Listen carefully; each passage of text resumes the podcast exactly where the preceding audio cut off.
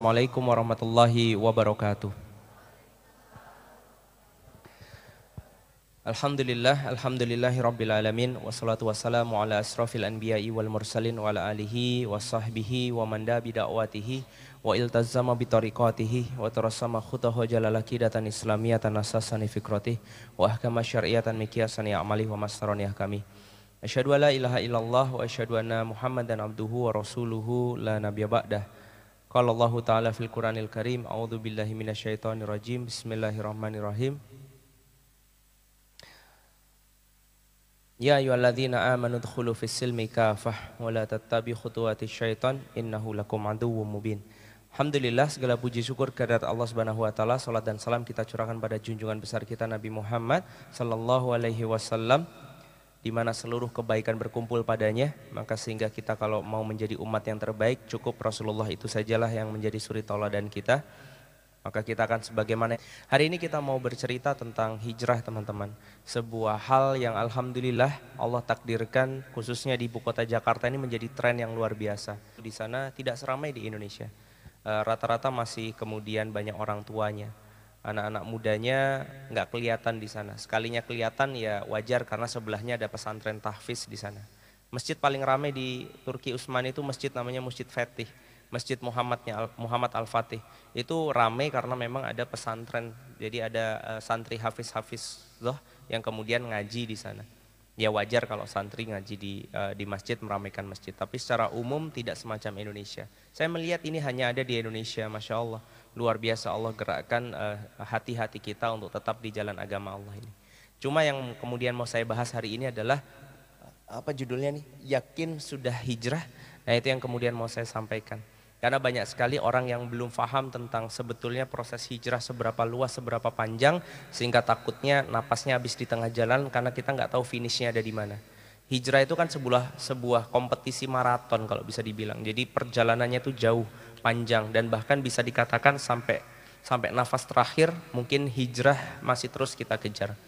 Nah maka daripada itu kita harus kemudian memahamkan diri kita tentang arti kata hijrah itu sesungguhnya.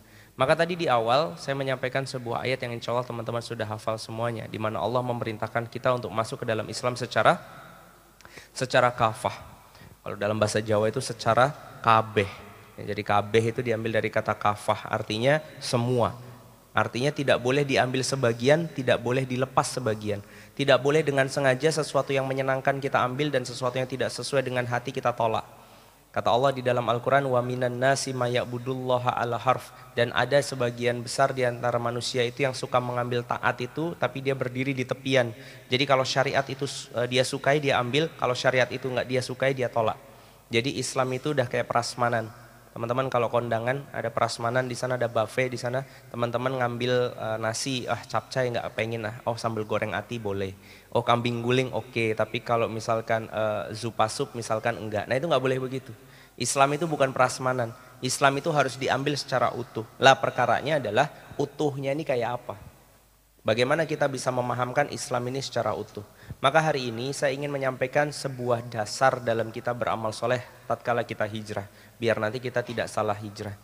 Pertama, manfaat dari kajian yang kita mau bahas hari ini adalah insya Allah teman-teman jadi tahu nih mana kajian yang benar, mana yang keliru. Mana ustadz yang benar, mana ustadz yang salah. Loh ustadz boleh salah, ya ustadz kan manusia. Tentu ada banyak salah dan kurangnya termasuk saya yang di depan ini. Nah terus dari kajian ini insya Allah jadi kita tahu e, parameter hijrah kita atau progres hijrah kita ini sudah seberapa seberapa panjang. Sehingga kita tahu apakah kita sudah hijrah atau baru setengah hijrah atau baru sama sekali melangkahkan kaki untuk masuk ke dalam fase hijrah. Baik teman-teman sekalian, ilustrasi sederhana. Ini sebetulnya kajiannya agak dalam, tapi karena waktu terbatas kita singkat. Sebetulnya saya mau ngasih slide, tapi kalau nanti slide-nya dibuka tambah lama lagi. Jadi saya sampaikan teman-teman catat baik-baik kalau memungkinkan.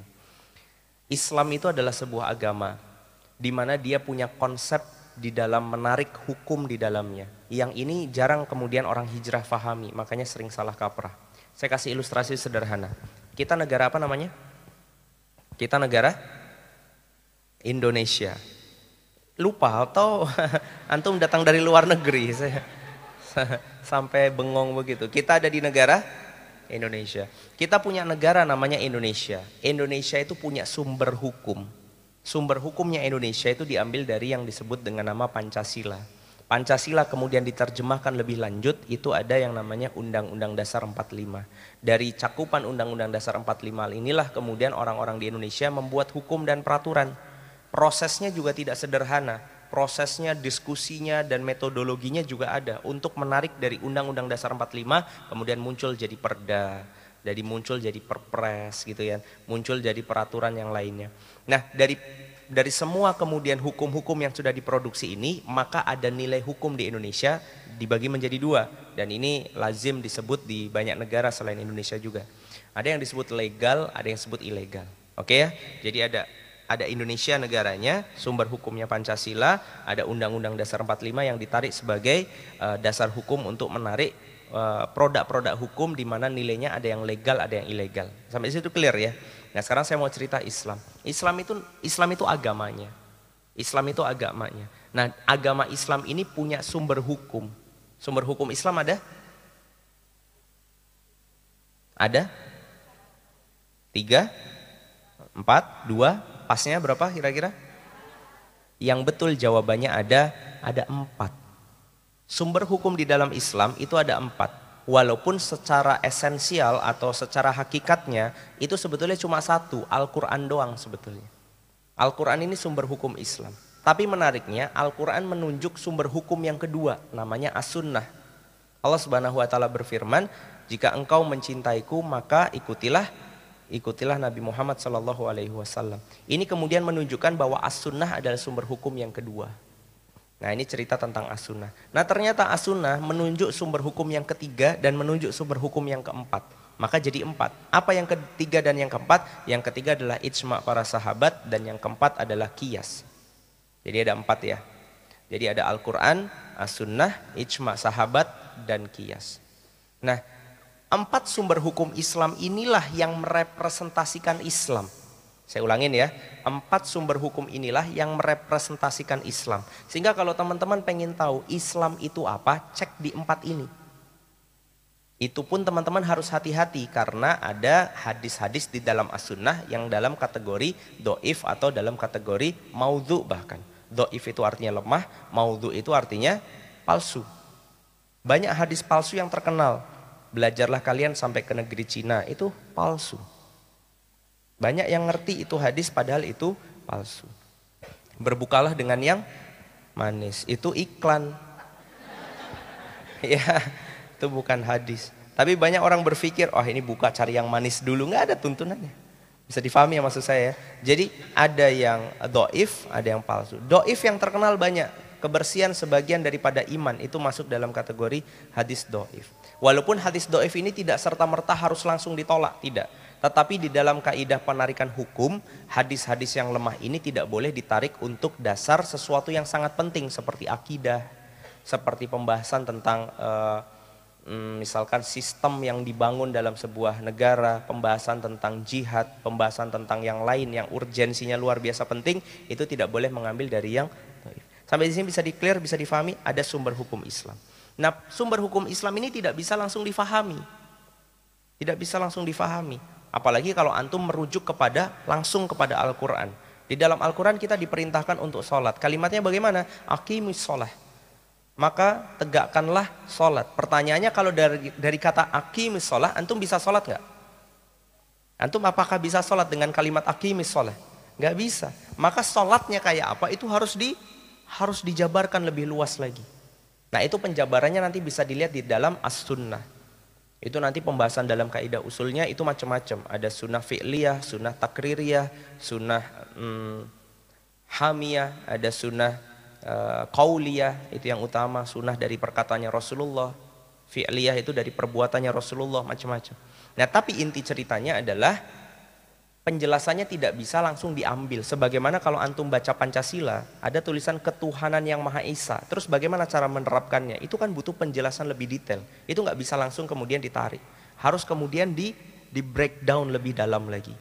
Nah, yang breakdown ini siapa? Ternyata kita kalau bisa dikatakan kita ini nggak layak untuk membreakdown itu. Kecuali daripada ruangan ini ada yang sudah sampai levelnya fukoha atau alim ulama itu mereka yang harus melakukan dari sumber hukum tadi ditarik menjadi produk hukum. Nama prosesnya istimbatul hukmi, penarikan hukum. Nah setelah ditarik hukumnya, nanti kemudian muncul produk hukum yang nilainya ada lima. Kalau tadi di negara kita cuma ada dua ya, legal sama ilegal. Jadi dari sumber hukum ditarik, prosesnya namanya istimbatul hukmi, orang yang layak untuk menarik ini namanya fukoha atau alim ulama atau orang yang capable dalam kemudian ilmu agama yang luas. Nah kemudian dari produk hukum tadi ada lima nilai lima nilai perbuatan di dalam Islam. Disebutnya wajib, sunnah, mubah, makruh, haram. Ini ada lima nilainya. Kita sudah sering mendengar penjelasannya kalau wajib dijalankan kita berpahala. Kalau ditinggalkan kita dosa. Kalau sunnah? Sunnah dijalankan? Sunnah dijalankan berpahala. Kalau ditinggalkan? Rugi tidak berpahala. Iya, karena ada potensi pahala tapi kita loss. Yang ketiga ada mubah. Mubah ya sosok aja mau dijalanin boleh, nggak dijalanin juga nggak ada masalah, nggak ada resiko di situ. Yang keempat adalah makruh. Makruh itu kalau dijalankan rugi, bukan tidak apa-apa, tapi kalau ditinggalkan dia dia berpahala. Yang kelima adalah haram kalau dijalankan berdosa, kalau ditinggalkan berpahala. Nah, ada lima jenis uh, kegiatan di dalam uh, Islam ini. Apa? Derajatnya itu ada lima nilainya itu ada lima. Di mana lima ini? Mana yang harus diprioritaskan? Wajib sunnah mubah makruh haram. Yang mana yang harus diprioritaskan? Wajib keliru meninggalkan yang haram keliru Jawaban yang paling tepat yang saya dapatkan adalah lima-limanya ini harus diprioritaskan sesuai dengan skala prioritasnya. Bisa difahami maksud saya? Jadi letakkan yang mubah kepada yang mubah, letakkan yang makruh dalam ranah yang makruh, sunnah dalam yang sunnah, wajib yang wajib, haram yang haram. Ini soalnya tadi saya tanya sama panitia sebelum ngisi di sini, ini jamaah yang sudah datang sering ngaji atau masih jamaah awam? Kata dia sering ngaji, makanya materinya agak agak jadi kayak dosen saya nggak apa-apa ya. ya. Jadi maksudnya begini, Ketika kemudian ada orang yang kemudian menempatkan sesuatu tidak pada porsinya, nanti jadinya begini. Suatu ketika ada yang sholat dan ini real story, cuma saya nggak sebut saja siapa orang dan pelakunya. Real story ada seorang fulan yang lagi sholat di masjid. Eh dia e, dengar komat langsung berdiri di belakang imam. Ketika kemudian jajar rapi itu semua jamaah, tiba-tiba salah satu orang di sana menarik dia mundur ke soft kedua. Kemudian yang sholat ini, eh, yang narik tadi itu menggantikan posisi sholat yang ditarik tadi. Ini kan bingung yang ditarik ya. Ini apa salah saya gitu kan ya. Tiba-tiba saya ditarik mundur ke soft kedua. Ternyata setelah sholat ditanya, Pak mohon maaf saya mau tanya, kenapa saya nggak boleh berdiri di belakang situ? Ya iyalah orang kamu pakainya kaos, masa sholat pakai kaos? Sholat itu yang benar ngadep Allah, Buang kamu itu kondangan saja pakai batik yang rapi, masa sholat pakai kaos. Saya mau tanya, apakah kita dilarang sholat pakai kaos? Tidak. Apakah ada tuntunan harus pakai batik kalau sholat? Tidak. Yang penting kaosnya gimana? Bersih, suci, dan menutup aurat. Berarti kalau memilih kaos, ini perkara yang apa? Wajib, sunnah, mubah, makruh, haram. Ini perkara yang mubah-mubah saja. Mau kaosan boleh, mau pakai baju boleh. Bisa difahami maksud saya? Ini perkara yang boleh, tetapi dipermasalahkan. Nah yang kayak gini ini yang nanti jadi bikin runyam. Bisa difahami sampai di sini? Contoh lagi berikutnya, wajib sama sunnah. Bagusnya yang prioritas yang mana? Wajib. Ah, contoh lain misalnya. Saya mau tanya kalau saya panjangin jenggot, itu kira-kira hukumnya apa? sunnah. Ada orang nggak ada jenggotnya. Ya, nggak tumbuh jenggotnya maksudnya ya. Ada orang nggak tumbuh jenggotnya. Sama orang yang lain dikasih tahu, Mas, tolong dong jenggotnya yang panjangan dikit, jangan cuma sedikit begitu. Niat cinta Rasul apa enggak? Ah, misalnya kalimatnya begitu. Serem nih ya orangnya, ekstrim. Nah tapi kejadiannya banyak yang semacam ini dalam lingkungan kita. Lah kenapa bisa begitu? karena dia memposisikan sunnah sudah melebihi yang wajib. Tahu yang wajib apa? Salah satu yang wajib untuk kita fahami, kita wajib menjaga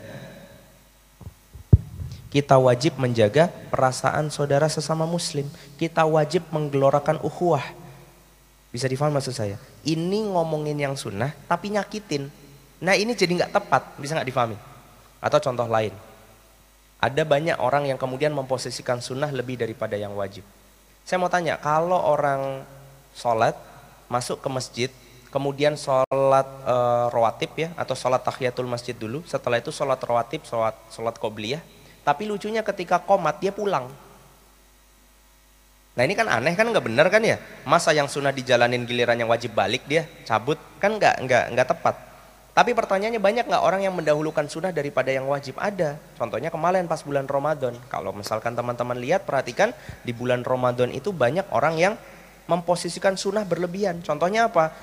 Sholat Idul Fitri. Wah itu bajunya sudah dipikirin sebelum Ramadan. Gitu kan ya?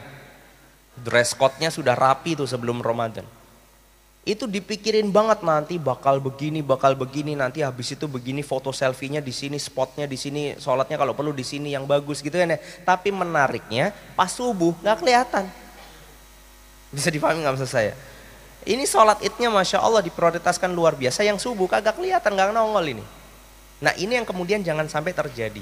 Atau biasanya yang cowok-cowok yang nggak sadar itu adalah ketika sholat Jumat saya sering lihat Sholat Jumat antum datang masuk ke masjid sudah mepet. Mepetnya kapan? Pas antum masuk ke belakang ini katakanlah masjid ya. Ketika antum masuk ini masjid kan ya? Masjidnya di oh sebelah sana totaib. Misalkan katakanlah ini masjid imamnya nggak ada di sana. Nah ada mas datang sholat Jumat. Ketika mas datang sampai ke dalam khotbah khotibnya naik. Khotbah Jumat mulai. Assalamualaikum warahmatullahi wabarakatuh. Gitu kan ya? Pernah ngelihat banyak orang yang ketika selesai azan khotibnya naik dia malah bangun sholat sholat sunnah. Nah ini nggak tepat. Kenapa nggak tepat? Karena di dalam sholat Jumat dengerin khutbah itu rukun. Itu hukumnya wajib. Sholat sunnahnya harusnya berhenti. Bisa difahami ya maksud saya? Sama halnya ketika antum sholat sunnah baru baru rokaat pertama tiba-tiba azan. Maka antum harus selesaikan itu sholat. Karena sudah ada yang wajib. Bisa difahami sampai sini. Nanti kita akan cerita, nanti kalau antum mau bahas lebih dalam, coba ketik saja atau cari saja kajian judulnya Fikih Aulawiyat. Ini salah satu pembahasannya. Fikih Aulawiyat itu fikih prioritas. Jadi kalau ada dua amal bertabrakan dalam satu waktu, ini mana, mana dulu nih? Bisa nggak difahami? Ini kan bertabrakan dalam satu waktu, ini mana dulu? Nah kalau dalam fikih prioritas, itu kita nanti jadi tahu bahwa ternyata Islam itu sangat sangat ramah dengan kondisi. Walaupun kondisinya jangan sengaja dibuat-buat. Bisa nggak difahami maksud saya? Contoh, Mas lagi di pinggir sungai, ada akhwat ngambang, tenggelam, ya. Antum di pinggir sungai ini ya. Ini akhwat nih ngambang nih, tolong, tolong gitu ya. Siapa nama antum mas? Ado. Mas Ado tolong, oh, kenal sama antum ternyata. Ada teman sekelas antum nih ngambang, uh gitu. Itu gimana? Apa yang harus dilakukan Mas Ado? Gak ada yang bisa nolongin, yang lihat cuma dia nih. Ditolong, tapi pertanyaan dia mikir gini, Mas Ado mikir gini, kalau saya tolong, ini bukan mahrum nih. Dipegang, berdosa kan? Nggak ditolongin, bablas ini. Ada sholat istikharoh misalnya. Iya. Keburu hilang. Keburu hilang. Ini kan bikin bingung kalau misalkan mau di mau dipretelin. Nah, harusnya gimana? Kalau dalam fikih auliat nanti di, di, di, dipelajari bahwa ternyata ada yang disebut dengan nama umurut doruriat. Kalau kejadiannya itu darurat, darurat itu salah satu cirinya menyangkut nyawa, eh ditolongin dulu. Karena ini urusannya nyawa. Tapi kalau ada yang bisa nolongin selain Mas Ado, jangan jangan gerasa gerusu nolongin ya dipersilahkan kalau memang bisa ditolong oleh yang lainnya. Bisa difahami sampai di sini. Antum mau uh, operasi karena ada penyakit. Eh ternyata ini antum ini mbak-mbak ya. Ya. Nanti mau mau operasi. Tapi ternyata operasinya harus membuka aurat. Ternyata dicari dokternya gak ada selain si dokter ini yang cowok ini yang bisa melakukan operasi. Operasi enggak? Tanya dulu urusannya apa. Kalau urusannya darurat berarti menyangkut nyawa, operasinya dibenarkan. Yang ini tidak mungkin masuk dalam contoh operasi plastik karena tidak mungkin operasi plastik darurat. Bisa difahami sampai di sini maksud saya. Jadi ada ada kedoruratan di situ yang juga dibahas. Bagaimana ini diceritakan oleh Rasulullah ketika dia sedang sholat, kemudian saat ruku itu punggung Rasulullah di, ditahan oleh sayapnya malaikat Jibril. Lama sekali rukunya. Rukunya nggak selesai-selesai. Eh giliran rukuknya selesai, dilanjutkan sholatnya, selesai sholat sahabat nanya, ya Rasulullah kenapa kok tadi rukuknya lama sekali? Iya, karena aku diminta untuk memberi penghormatan kepada Ali bin Abi Thalib yang dia akhirnya berjalan lambat dan akhirnya terlambat masuk ke masjid karena ada orang tua yang tidak mau disalibnya. Ini Ali menghormati orang tua yang ada di depannya. Itu sampai level begitu ada pembahasannya. Sholat Rasulullah Terus kemudian ketika hendak membacakan surat, tadinya mau niatnya agak panjang, tiba-tiba di tengah jalan bayi nangis. Ngek gitu. Gak tahu itu suara bayi atau suara apa bunyinya begitu ya. Gak ada di hadisnya sebetulnya, saya tambahin aja. Bayi nangis, cenger gitu. Habis itu apa ya? Itu contoh contoh jenis bunyi bayi yang lainnya. Terus kemudian Rasulullah akhirnya mempercepat sholatnya. Jadi suratnya diperpendek, sholatnya dipercepat.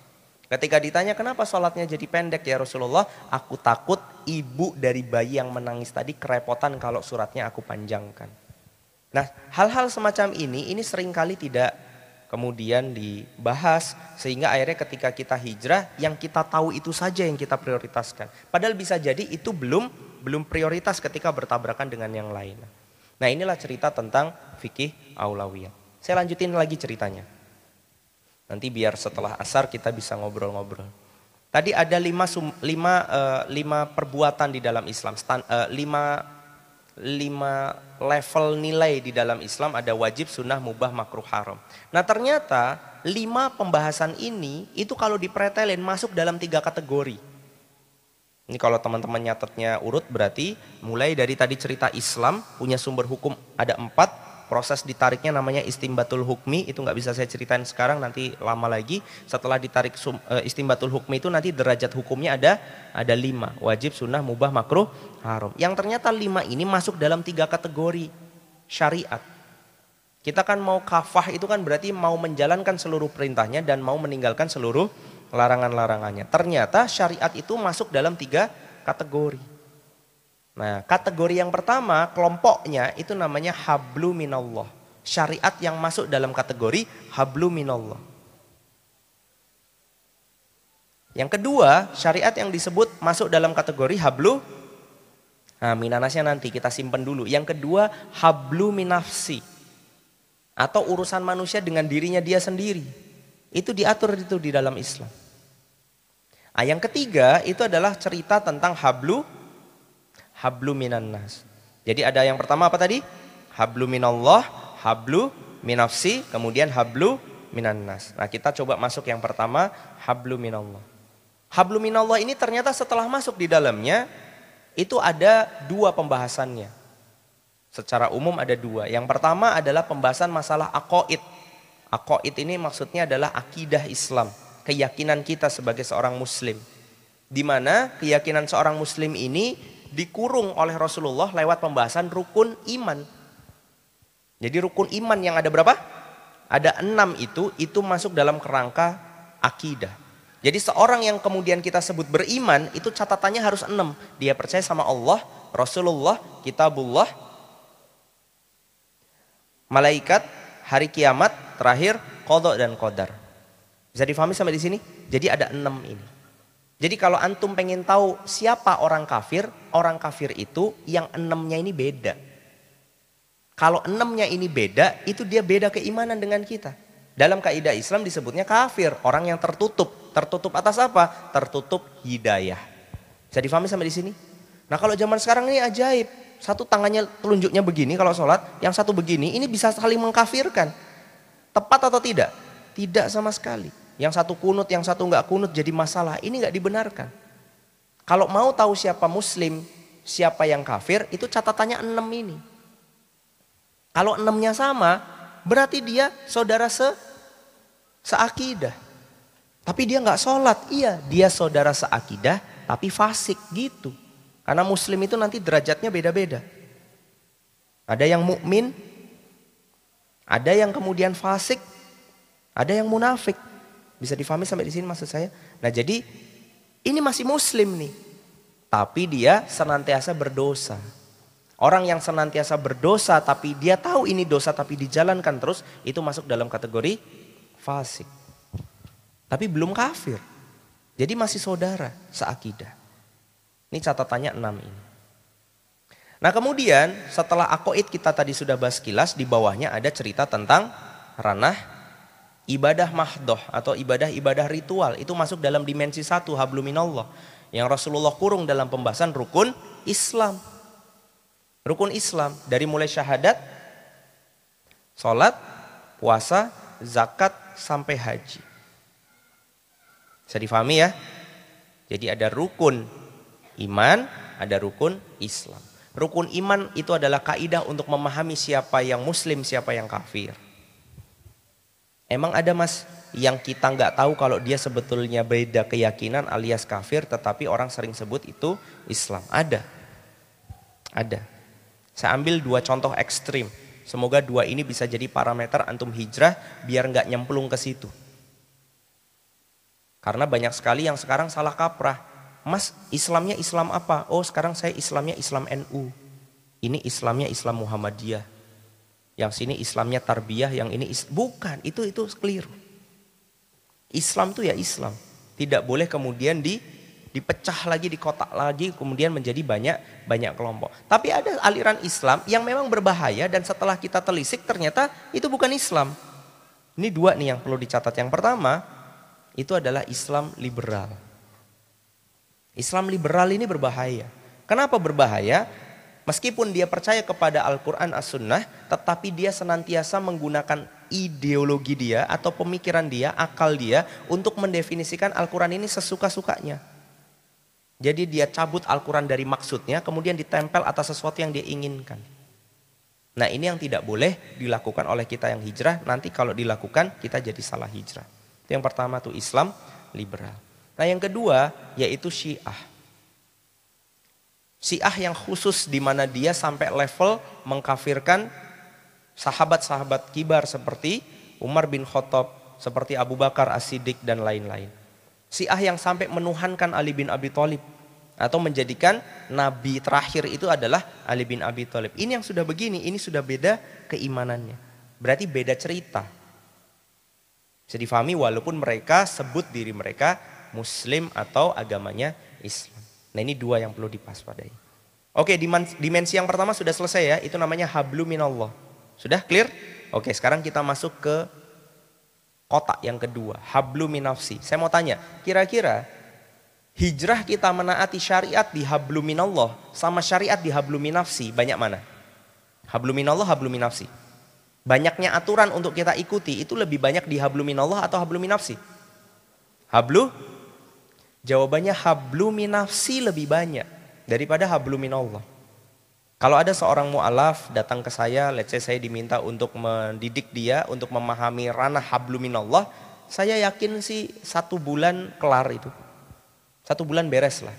Atau bahkan dua minggu, tiga minggu beres. Belajar toharoh, belajar sholat, belajar manasik haji, belajar tata cara menghitung zakat dan lain-lain. Kalau dia serius belajarnya, ya dua, dua minggu sampai satu bulan beres. Tapi kalau ngomong sampai hablumi nafsi, uh, ini nggak kelar-kelar. Kenapa? Banyak banyaknya minta ampun. Kita ambil contoh. Hablumi nafsi, aturan Allah dalam kita mengatur diri kita sendiri. Dan tentu kalau teman-teman sudah masuk ke ranah hablumi nafsi, teman-teman akan berseberangan dengan orang liberal atau yang kemudian kita sering zaman sekarang sebut orang sekuler atau orang feminis.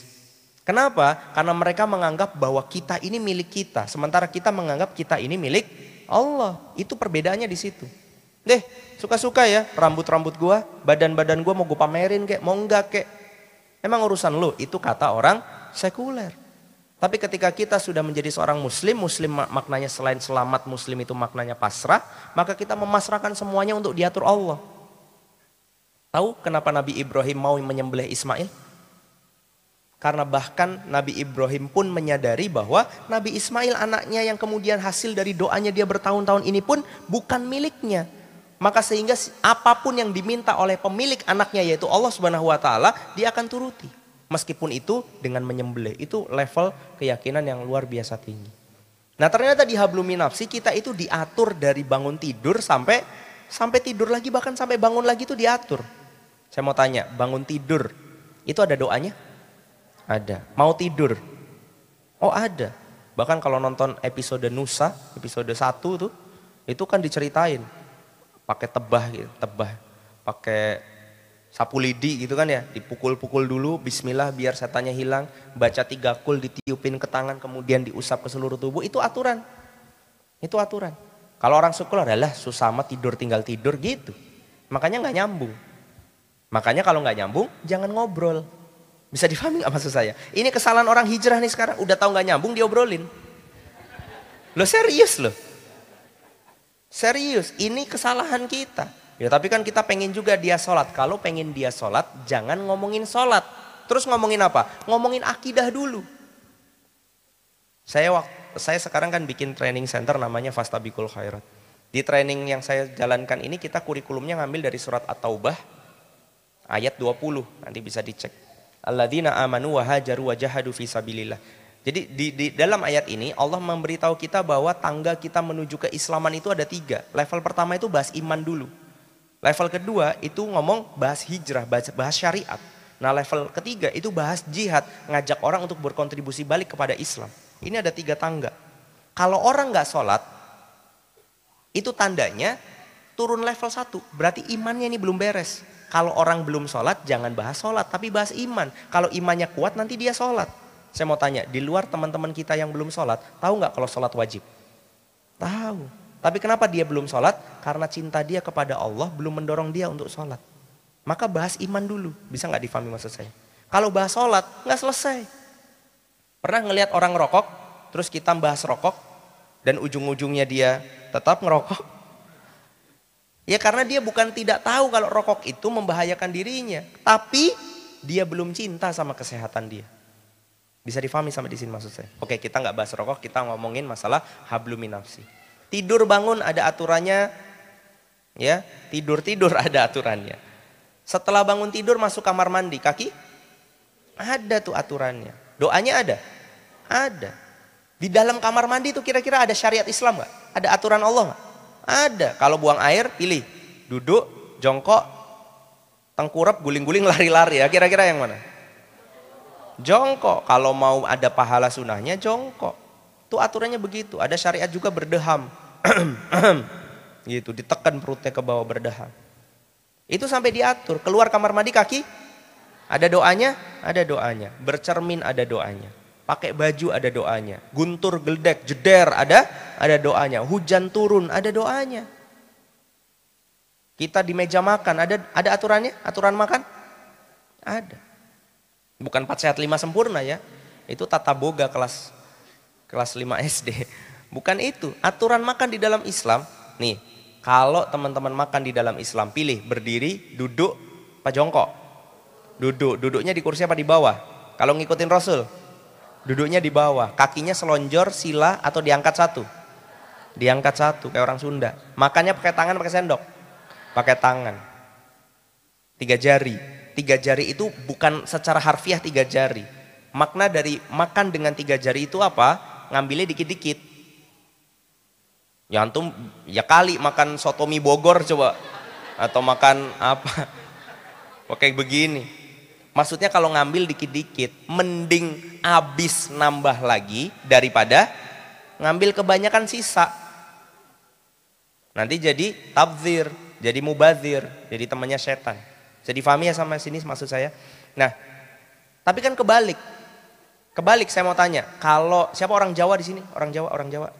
Nah, orang Jawa. Saya mau tanya, orang Jawa itu bagusnya bagusnya ngambil makan tuh sekali aja apa nambah? Sekali. Kalau nambah itu nggak sopan. Makanya kalau ada orang Jawa ngambilnya banyak biasanya. Saya mau tanya, orang Jawa itu kalau dikasih makan, disuguhi makanan, itu bagusnya dihabisin bersih atau disisain dikit? Disisain. Berarti dalam urusan makan berbeda nggak nilai Islam dengan nilai Jawa? Berbeda. Terus gimana? Kalau antum niat hijrah, antum harus bisa menempatkan Islam di atas selain daripada itu. Bukan berarti menolak semua adat Jawa karena adat Jawa juga ada yang bagus. Apa contohnya? Gotong royong, tepos liro itu kalau orang Jawa harusnya tahu. Itu bagus. Ewuh pekewuh itu juga bagus. Tahu ewuh pekewuh? Orang Jawa tuh kalau ditawarin makan bagusnya diambil langsung atau ditolak dulu? Oh ditolak dulu. Kalau kalau diambil langsung namanya geragas, tau gak geragas? Geragas tuh Raku, ya rakus ya. Gak sopan lah. Cuma kita bisa pahami bahwa adat itu tidak bisa jadi standar. Antum yang orang Jawa kalau ditawarin makanan ditolak dulu. Pertanyaannya kalau antum ke Padang, nolak makanan yang ditawarin, sopan atau enggak? Enggak sopan. Terus yang yang sopan tuh jawab apa Padang kalau begitu. Bisa difahami sampai di sini? Saya pernah main ke teman di Blora, itu ada disuguhin kue. Saya ditawarin, kan saya orang Jawa. Mas makan dulu mas. Oh iya bu, nggak usah repot-repot, sudah makan kok. Pada lapar, orang Jawa kan gitu. Lapar. Kayak sekarang ini lapar saya. Itu curhat colongan. Itu ditolak dulu. Batin saya nanti kalau dia datang untuk yang kedua kali, nah saya ambil. Enggak datang dia untuk yang kedua kali. Ditawarin, loh kok belum dimakan? Ayo mas dimakan. Batin saya, ah tolak dulu ah biar lebih sopan. Udah bu, mohon maaf, nggak usah repot-repot. Saya tungguin yang ketiga kan. Kapan nih ibu lewat lagi? Akhirnya lewat. Apa yang dia lakukan? Itu kuenya diangkat, dibawa masuk. Saya mau tanya, kalau orang Jawa nyuguhin tamu makanan, terus dibawa masuk, itu kira-kira sopan atau enggak? Nah kalau di Blora beda ceritanya. Kalau kita nawarin uh, orang, terus enggak dimakan, ditawarin lagi, eh kok masih belum dimakan, itu tandanya kuenya nggak layak disajikan, lebih baik dibawa masuk. Pertanyaannya, ini yang sopan Jawa, Blora, apa Padang? Makanya Islam itu turun menjadi penyelesai urusan yang semacam itu. Kemarin kan kita dengerin terus tuh. Ayat yang selalu dibacakan kan Al-Baqarah 183, kalau Ramadan kan laris 184, 185, Iya kan kultum nanti keluar lagi, subuh keluar lagi kan ya. Terawih keluar lagi. Syahrul Ramadan alladzina unzila fihil Quran. Ramadan itu tempat turunnya Al-Quran. Hudalinas ini jadi petunjuk nih bagi manusia. Wabayinati minal huda. Dan akan kemudian terdapat penjelasan-penjelasan atas petunjuk itu. Wal furqon. Apa artinya furqon? Dia yang membedakan mana yang benar, mana yang salah. Maka sebagai seorang muslim, kalau sudah ditetapkan satu urusan oleh Allah, kita sudah nggak ada pilihan lain. Jadi kalau babi sudah haram, jangan berpikir gimana caranya halal. Faham maksud saya? Pacaran kalau sudah diputuskan itu mendekati zina, jangan diputuskan gimana caranya syar'i. Nanti keluar pacaran syariah kok mas. Gimana pacaran syariah? Kami mengawalinya dengan basmalah, mengakhirinya dengan hamdalah. Ya nggak bisa. Nggak bisa. Allah bilang wala talbisul haq bil batil. Jangan kalian mencampurkan antara hak dengan yang batil itu nggak bisa gabung. Mari ibu bapak sebelum kita kocok dadu judi ini kita awali dengan al-fatihah. Gak bisa. Gak bisa. Maksiat, maksiat, mau taat, mau taat. Sampai sini bisa difahami? Ternyata urusan makan diatur sedemikian rupa. Makan itu kalau ada nasi, lauk, buah, sayur itu kira-kira yang pertama kali harus masuk yang mana? Harusnya buah dulu. Kalau di empat sehat lima sempurna, buahnya terakhir. Itu kalau sekarang dalam ilmu kedokteran atau ilmu kesehatan kita jadi tahu, oh ternyata kalau buah masuk dulu, itu lambungnya itu jadi latihan. Kalau buahnya masuk terakhir, kasihan buahnya nungguin dulu. Nasi padang kikil kan lama itu gilingnya. Atasnya ada pepaya, pepaya keburu nutrisinya hilang sebelum sampai ke pencernaan. Makanya buah dulu. Cuma ini juga jadi masalah ketika orang Islam ketika membaca literatur ilmiah semacam itu, sains ya, dia bilang, tuh kan bener Rasul, ah ya udah deh aku makan buah dulu. Ini juga keliru dalam hijrah. Kenapa? Karena antum tidak boleh bersyariat karena ilmu pengetahuan. Ngerti gak maksud saya? Ini kan judulnya nyambung kan? Yakin sudah hijrah. Banyak orang yang hijrah tetapi asumsi dasarnya bukan agama tetapi sains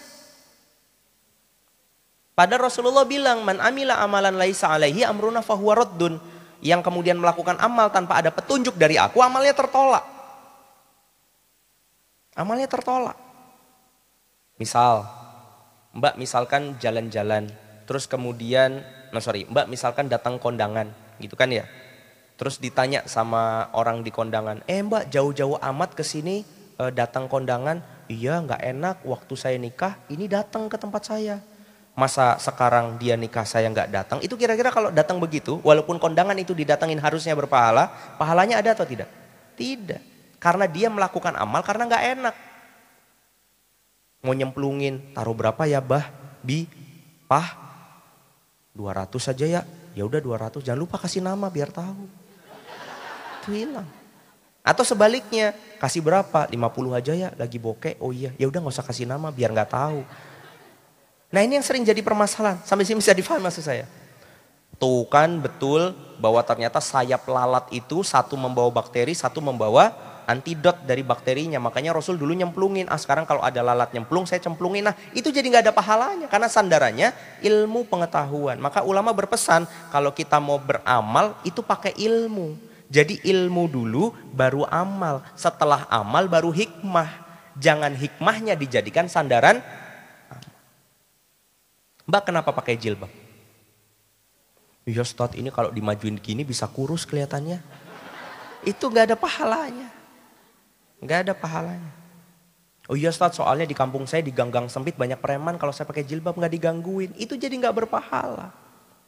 Terus gimana jawaban yang benar mas? Kenapa mbak pakai jilbab? Iya Ustadz karena Allah suruh. Titik udah gak usah dikasih koma. Perkara setelah dipakai kelihatan kurus. Dan perkara setelah dipakai itu preman gak ada yang gangguin. Itu namanya hikmah. Gak boleh dijadikan sandaran hijrah.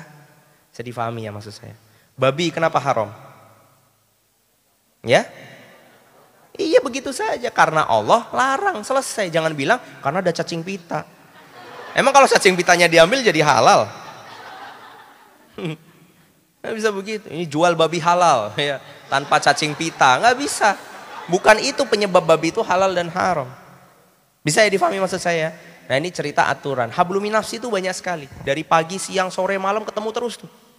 Sampai mau tidur tadi ketemu. Bahkan mohon maaf, laki-laki sama perempuan berhubungan ketika sudah menikah itu diatur di dalam Islam. Sampai doanya itu diatur dalam Islam. Ustadz saya pulang umroh ngasih uh, parfum, ya. Terus dia cerita ini parfum mahal sekali, satu tulah, satu botol itu, itu itu kalau di Indonesiain bisa 1,2, 1,3 juta. Udah Ustadz mahal amat beli parfum beginian doang. Biasanya kalau mau beli yang murah-murah ini kok yang mahal gitu. Saya ngeliat dia dia ke mana-mana pakai sendal jepit kan nggak cocok kalau parfumnya mahal ya. Ternyata dia rela beli parfum ini mahal karena apa? Karena ada dalilnya. Namanya mesik abiyat. Ini kalau beli silahkan, kalau yang original itu 1,3, kalau KW3 juga ada, KW4 ada, KW5 ada. Itu kenapa dibeli? Karena Ustadz saya bilang ini ada hadisnya. Ini adalah parfum khususnya Rasulullah. Kalau sama Aisyah dipakainya cuma kalau itu. Tahu nggak itu? Main catur. Ya, bisa difahami sama sini? Jadi kalau malam hari kok Rasulullah mencium ada bau parfum ini, Rasulullah tahu, oh ini jatah jatahnya Aisyah.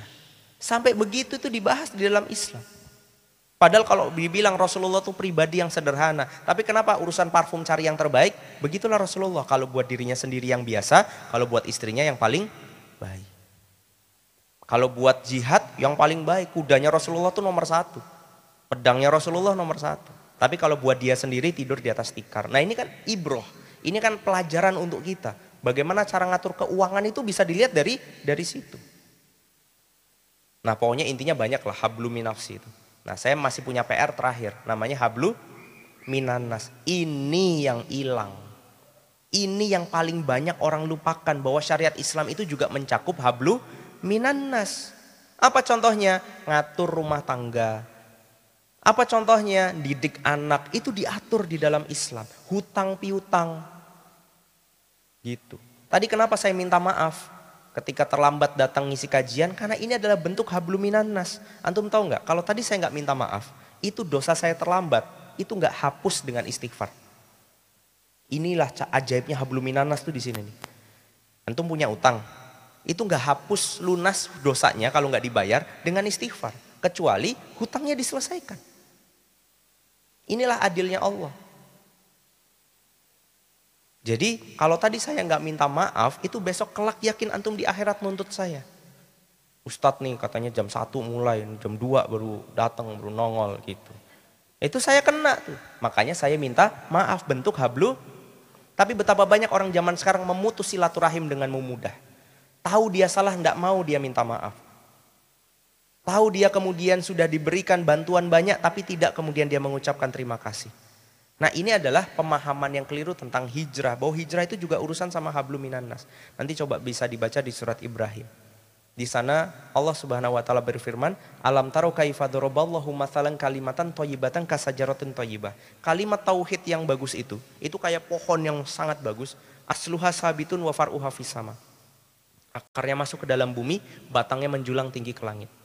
Nah, saya mau jelasin ayat berikutnya. Tu'ti ukulaha kulahin bi isni robia. Pohon itu cirinya apa? Orang yang bertauhid bagus itu cirinya apa? Dia memberi manfaat kepada sekelilingnya atas izin Allah. Berarti orang yang hijrah itu orang lebih banyak dekat sama dia karena akhlaknya. Orang lebih kemudian pengen belajar banyak daripada dia. Orang ngumpul sama dia karena ilmunya, karena ikhlasnya, karena adabnya. Bukan malah menjauh karena cacian dari mulutnya. Bukan menjauh karena sumpah serapah di komen Facebook dan Instagramnya. Bukan begitu orang hijrah. Jadi kalau Mbak Mas hijrah malah nggak nggak jadi jadi nggak punya teman, ah itu keliru. Nah itu salah. Itu keliru. Contoh, contoh. Kan kalau orang sudah hijrah akhirnya tahu. Berarti lakum dinukum waliyadin ya saat. Iya betul. Berarti kalau saya punya teman Nasrani Natalan saya nggak boleh datang. Nggak boleh. Nanti saya dianggap sombong. Iya dianggap sombong kalau cuma pas itu doang antum mau datangnya. Tapi coba bayangkan di luar cerita Natal itu kalau dia sakit antum jenguk. Kalau dia butuh bantuan antum tolong. Antum sering kasih dia hadiah. Dia kemudian misalkan ada hutang piutang antum bantu dia juga bisa. Antum datang bahkan antum doakan orang-orang di sekeliling dia. Antum kemudian e, baik sama ibunya, baik sama keluarganya. Nggak membeda-bedakan. Giliran Natal antum nggak datang. Kira-kira orang ini pengertian nggak? Pengertian. Cuma kalau masalahnya Natal doang itu urusannya antum nggak datang ya jadi sombong. Bisa difahami sampai di sini. Ini sering kali kemudian menjadi uh, problematika kita dalam hijrah. Giliran dulu toleran, giliran hijrah eksklusif. Habluminanas contoh lainnya dagang aturan muamalah. Di sana diatur masalah syirkah, masalah akad-akad bisnis. Dan ternyata menariknya, karena waktu sudah hampir asar, habluminanas ini tercakup. Jadi kalau mau dibagi lagi, itu dalam dua level. Level individu maupun level kelompok. Kelompok ini dibagi dua, kelompok yang kecil sama kelompok yang besar. Kelompok yang kecil itu apa contohnya? Organisasi. Termasuk organisasi dakwah, banyak organisasi dakwah malah bersaing dengan organisasi dakwah yang lain. Bukan membangun sebuah persatuan, tapi malah berfriksi. Ih, ustadz ini bisa dipanggil sama kelompok itu. Masa kita nggak bisa sih? Jadi begitu. Nah yang terakhir adalah kelompok yang paling tinggi, yaitu di level apa? Di level negara. Negara itu juga aturan di dalam Islam, dalam ranah habluminanas, ngatur orang. Maka di dalam Islam itu terkenal ada sistem kepemerintahan Islam, sistem politik dalam dan luar negeri Islam, sistem sosial Islam, sistem pendidikan Islam, sistem hukum termasuk turunannya, sistem pidana Islam, sistem ekonomi Islam. Mohon maaf, antum pernah dengar sistem ekonomi Konghucu? Pernah dengar sistem sosial Nasrani? Tidak ada. Kalau di Islam kitabnya nggak habis-habis. Lah kenapa? Karena ini salah satu syariat hablu minanas di level negara. Nah, kesimpulannya, inilah cerita tentang hijrah. Inilah cerita tentang betapa luasnya Allah menjadikan Islam ini agama yang ketika kita genggam seluruhnya, mulia kita. Kenapa? Karena kita akan menjadi ujung tombak peradaban. Itulah yang dicontohkan Rasulullah. Bahkan ketika Rasulullah wafat, peradaban ini masih mampu bertahan sampai 13 abad lamanya. Lah kenapa bisa demikian ceritanya? Karena komprehensif ngelihatnya. Karena komprehensif Islamnya itu kelihatan utuh jadi kalau gajah itu dari buntut sampai belalai kelihatan. Saya takutnya orang hijrah, taunya gajah itu cuma buntut. Ditanya, gajah apaan? Oh panjang bentuknya.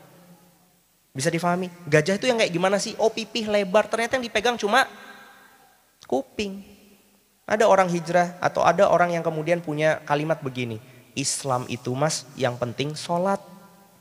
Karena Islam itu singkatan. I, Isya. S, subuh. L, lohor, A, asar, M, maghrib. Jadi kalau sudah sholat lima waktu, udah cocok Islam itu.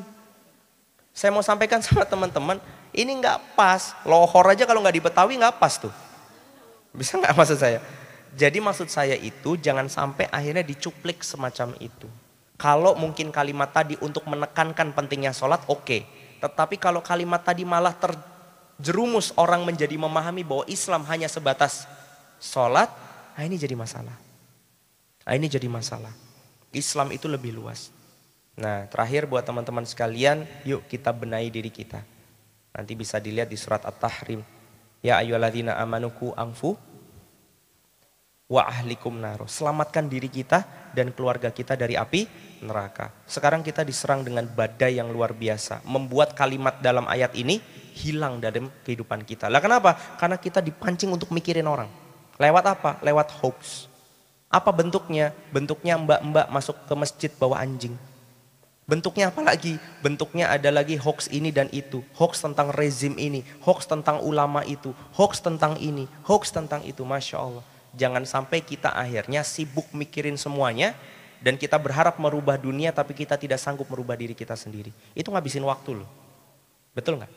Itu habisin waktu, ngabisin energi. Setiap kali baca, selalu, set, hampir setiap hari lah ada jamaah WhatsApp saya kalimatnya sama ngirim artikel atau ngirim berita, bawahnya tulisannya begini, stres banget saya Ustadz ngeliatin yang beginian. Batin saya, ya kok diliatin. Udah, udah tahu bikin stres, nggak usah diliatin. Udah fokus aja, antum sudah apa sekarang? Sudah sholatnya udah oke, okay, oke okay, tambahin yang sunahnya. Sekarang tambahin lagi ukhuwahnya, ilmu, cari ilmunya. Coba kemudian belajar dakwah, coba ngisi itu di TPA, di musola biar nggak kosong gimana caranya. Ada anak-anak nggak bisa belajar Quran, antum ajarin yang yang antum bisa. Antum bisa ngajarin Quran, ajarin. Antum bisa nyandongeng, buka sirah nabawiyah. Turunkan nilai-nilainya kepada bahasa yang bisa dipahami anak, ajarkan. Antum bisa apa lagi? Oh cuma punya tenaga, ya udah angkut-angkut aja. Banyak ulama, banyak komunitas-komunitas hijrah terjun ke sana, angkat-angkat, tempel-tempel poster. Kemudian uh, sebar-sebar info yang baik-baik. Antum bisanya apa? Masak. Oh ya sudah bikin masakan untuk hari Jumat. Bagikan sama banyak orang. Fokus, biar orang akhirnya ngelihat, oh ternyata orang Islam indah ya. Orang Islam keren ya. Bukan setiap hari perang jempol. Bisa difahami ya, bukan setiap hari perang komen. Takutnya nanti kita merasa sudah berkebaikan, ternyata kita nggak ngapa-ngapain. Nah itulah kemudian singkat cerita tentang Islam, semoga nyambung kan ya. Yakin sudah hijrah. Nah kalau antum sudah yakin hijrah, antum harus tahu seberapa luas yang Allah minta untuk antum kafah di dalamnya. Sekarang list apa saja yang Allah mau dalam kewajibannya, apa saja yang Allah tidak mau dalam keharumannya, antum list mana yang sudah kecek, mana yang belum. Tanyain sama ustadz, tanyain sama ulama. Bisa difahami ya, karena banyak sekali yang wajib yang kita lolos. Nih ya, seumpama misalkan saya tiba-tiba dada sakit, jantung berhenti, dan mas yang di sini meninggal misalnya ceritanya. Kan ajal bisa datang ke mana aja. Antum meninggal. Saya mau tanya di ruangan ini yang bisa ngurusin jenazahnya ini sampai masuk liang lahat? Dari mulai ngekafanin, dari mulai syariat ngemandiinnya, ngemandiin ngekafanin sampai nanti masuk ke liang lahat. Banyak rata-rata dari kita kalau ada saudara meninggal kita panggil IO untuk ngurus. Padahal itu wajib fardu, walaupun kifayah, kita juga harus belajar tata cara ngitung zakat. Ada yang nanya, Ustadz saya dapat penghasilan sekian, saya potong dua setengah persen langsung atau nunggu nanti. Itu aja masih salah. Zakat padahal wajib, tapi banyak yang nggak tahu. Ada satu kewajiban bahkan yang orang nggak tahu kalau itu wajib. Ada yang tahu? Dakwah. Dakwah itu wajib. Tapi kita nggak tahu, kita pikir dakwah itu tugasnya para ulama saja. Kita pikir dakwah itu tugasnya para ustadz saja. Kesan saya bukan ustadz, saya bukan lulusan pesantren, saya nggak punya LC. Tahu LC? Lulusan Cairo. saya nggak nggak lulus dari sana, saya nggak harus berdakwah. Enggak begitu. Dakwah itu wajib. Asalkan yang kita sampaikan benar, sampaikan walaupun satu ayat. Nah coba di list, jangan-jangan nanti kita sibuk mikirin yang lain, ternyata kita hijrahnya belum ke mana-mana. Dan itu yang bisa saya sampaikan. Allahu alam bisawab. Kalau ada kurang dan salahnya saya mohon maaf. Akhirul kalam. Assalamualaikum warahmatullahi wabarakatuh. Waalaikumsalam warahmatullahi wabarakatuh. Ini setelah asar lanjut lagi untuk tanya jawab atau gimana? Boleh, saya masih ada waktu di sini insya Allah. Tadi juga saya lihat ada beberapa pertanyaan ya iya. di kertas. Nanti kita bisa diskusikan setelah salat asar ya insya Allah. Baik, uh, Alhamdulillah